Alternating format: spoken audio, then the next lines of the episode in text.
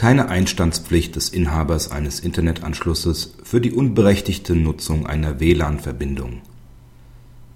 Das OLG Frankfurt am Main hat zu der Frage Stellung genommen, inwieweit der Inhaber eines Internetanschlusses für die unberechtigte Nutzung einer WLAN-Verbindung durch Dritte einzustehen hat.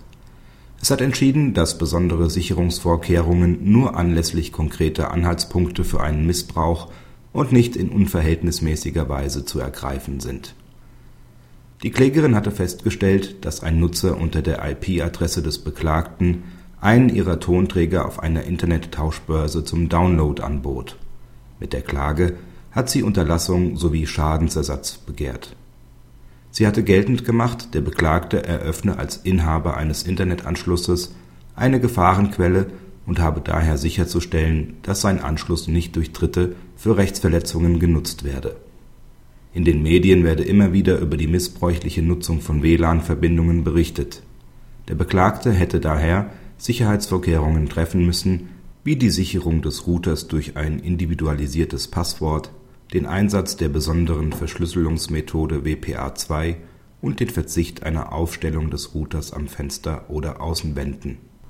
Der Beklagte hatte sich dahin eingelassen, er sei zum Zeitpunkt des Vorfalls urlaubsabwesend gewesen und kein Dritter habe Zugang zu seinem PC gehabt.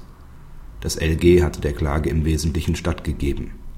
Es hatte dahinstehen lassen, ob der Beklagte die Verletzungshandlung selbst begangen hat, weil nicht auszuschließen sei, dass die Rechtsverletzung durch andere, nicht bekannte Dritte erfolgt sei. Für diese habe der Beklagte aber einzustehen.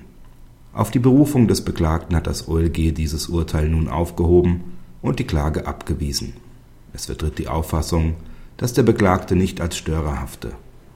Selbst wenn man, wie ein Teil der Rechtsprechung, eine anlassunabhängige Überwachungspflicht des Anschlussinhabers, zum Beispiel für Familienangehörige, annehme, gehe eine uneingeschränkte Haftung des WLAN-Anschlussinhabers deutlich weiter, weil er für das vorsätzliche Verhalten beliebiger Dritter einstehen müsse, die mit ihm in keinerlei Verbindung stünden dies sei bedenklich, weil die jeden in eigener Verantwortung Handelnden treffende Pflicht, sich recht und gesetzmäßig zu verhalten, nicht mit Hilfe der Störerhaftung über Gebühr auf Dritte ausgedehnt werden dürfe. Eine Störerhaftung komme danach nur in Betracht, wenn Prüfungspflichten verletzt worden seien. Dies wiederum setze konkrete Anhaltspunkte für rechtswidrige Handlungen Dritter voraus. Auch der WLAN-Anschlussbetreiber im privaten Bereich haftet daher nicht wegen der abstrakten Gefahr eines Missbrauchs seines Anschlusses von außen, sondern erst, wenn konkrete Anhaltspunkte hierfür bestünden.